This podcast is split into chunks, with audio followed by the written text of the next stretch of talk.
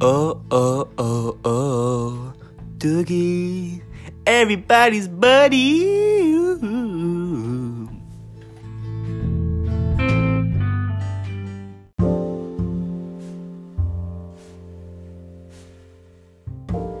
Hey, hey, hey, it's Dougie McLinley, and I'm back again for another amazing podcast like every other week.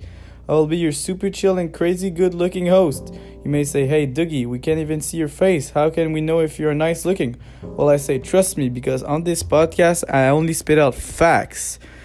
Okay, okay, I will slow down because today we have a really serious subject relationship. A good friend of mine will come on the show to explain us his actress's story. I known him since elementary school. He's always been the geek of the class, and today the hazard has ended that he is a mathematic teacher and he's still a major geek. I would love to in- introduce you, Mr. Wright.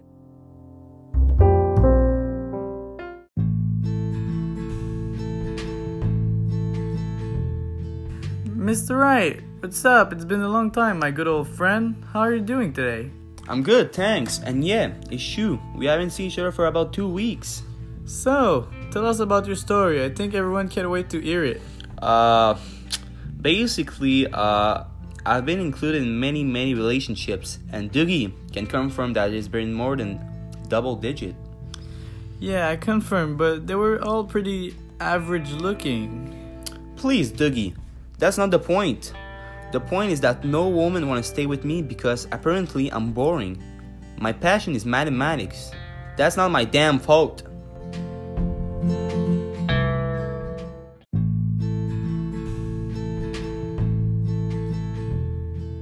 Alright, roll the next question. You ready, my good old friend? Go for it, Doug. I'm here for that.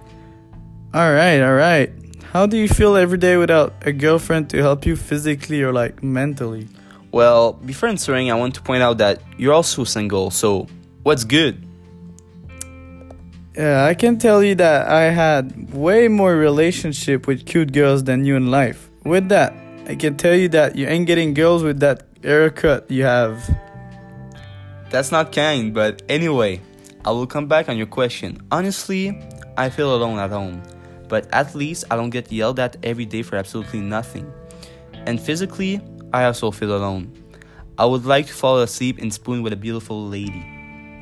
I can really feel your words, my good old buddy, but at the same time, I know for a fact, because I spit facts, that having a girlfriend is really makes life better. If you find a good one, I mean. Uh, okay.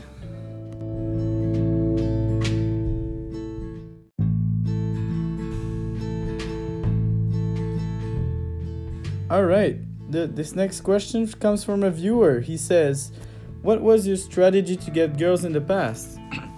I used to hang out in clubs, but I wasn't going there without nothing. I was bringing my good old mathematic book. Well, now I, at least I know why you're sing- still single. So, for you viewers, now you know what not to do if you want to be popular to girls. But I think Mr. Wright has, has something else to say. Let's hear him out. Well, I was saying before you interrupt me that the strategy was to show the ladies that I'm smart. Because I ain't looking for another girl that didn't graduate at university. I want these smart ones. Well, I don't think this is the best strategy to get girls, but you may find one in few ye- years.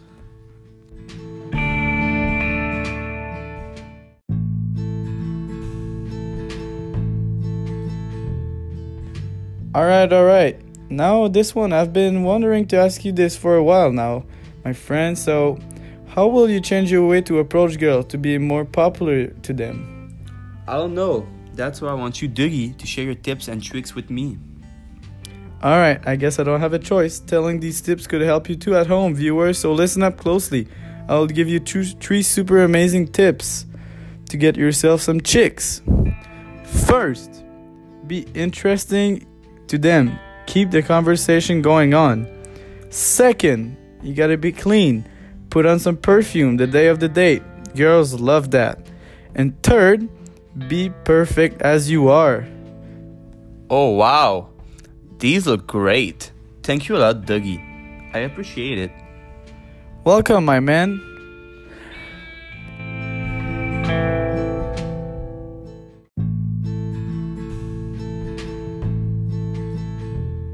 All right, looks like we have a lot of questions today.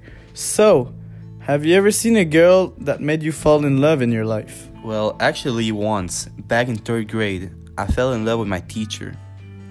What was her name? I might remember as well. I was at your school. Miss Onizuka. Sexiest woman I've seen in my life. Hmm. Nothing is coming out right now. I'm sorry.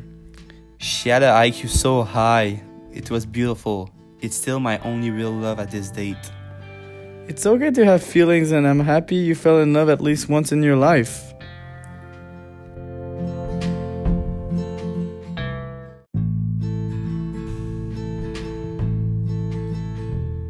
All right, all right, all right. Next question.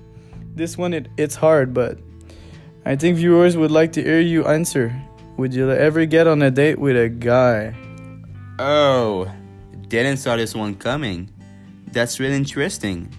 I'm the type of person that think that IQ passed before everything, so if you are intelligent, I will have interest in you, either if you're male or female. Yeah, I think that's my answer. But why would you love to know that? Because, well, I was wondering in my head if you ever had a true relationship with a girl. Maybe you should try dating a guy. Well, I take it in note. Alright, that would be it for today, but we have time for a last question. So, Mr. Wright, have you learned things today that you will implement in everyday's life? Absolutely. I never thought that you would be that much helpful. Thanks, dog. No problem, my friend. Okay, guys, we're we're done. I will see you next week for another Super Doogies Everybody's Buddy podcast.